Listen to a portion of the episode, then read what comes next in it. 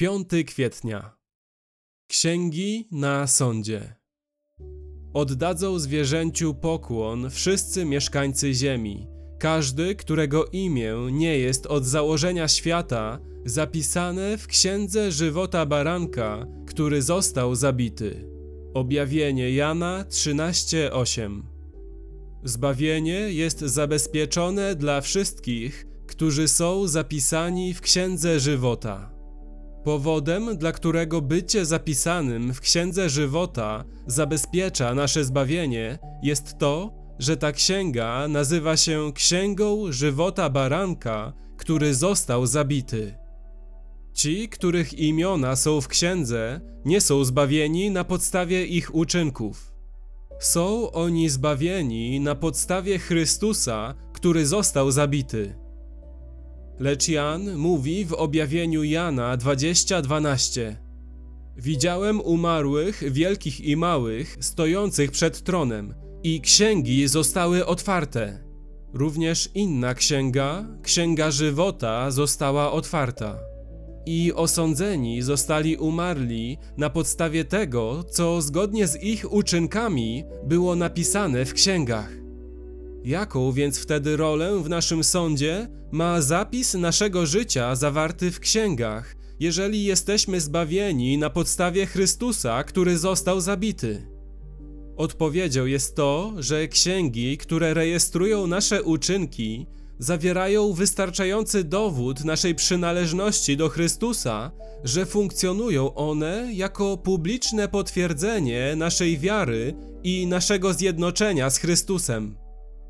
Rozważ objawienie Jana 21-27. Nie wejdzie do Nowego Jeruzalem nic nieczystego, ani nikt, kto czyni obrzydliwość i kłamie, tylko ci, którzy są zapisani w Księdze Żywota Baranka. Tutaj rezultatem bycia zbawionym w Księdze Żywota nie jest jedynie nieginięcie, lecz również niepraktykowanie obrzydliwych, grzesznych zachowań. Na przykład przyjrzyj się złodziejowi na krzyżu.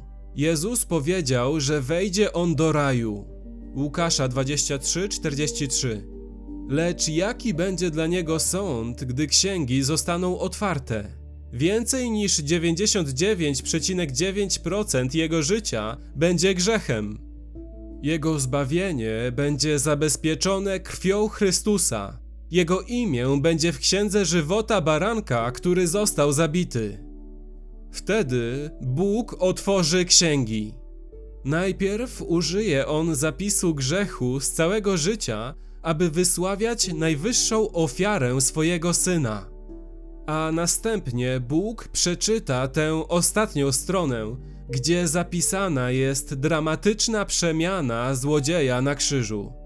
To dzieło Boga w jego życiu, zapisane w księgach o tym ostatnim dniu, będzie publicznym potwierdzeniem wiary i zjednoczenia złodzieja z Chrystusem. A Chrystus będzie podstawą jego zbawienia, nie jego uczynki. Dlatego, gdy mówię, że to, co jest zapisane w księgach, jest publicznym potwierdzeniem naszej wiary i zjednoczenia z Chrystusem, nie chodzi mi o to, że zapis będzie zawierał więcej dobrych uczynków niż złych.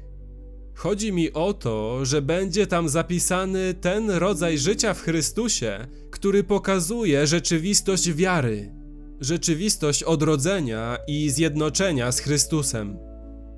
W taki sposób rozpoczynamy każdy dzień jako chrześcijanie, pewni, że nasze potępienie należy do przeszłości. Rzymian 8:1. I że nasze imię jest zapisane w księdze żywota. I że ten, który rozpoczął w nas dobre dzieło, będzie je też pełnił aż do dnia Chrystusa.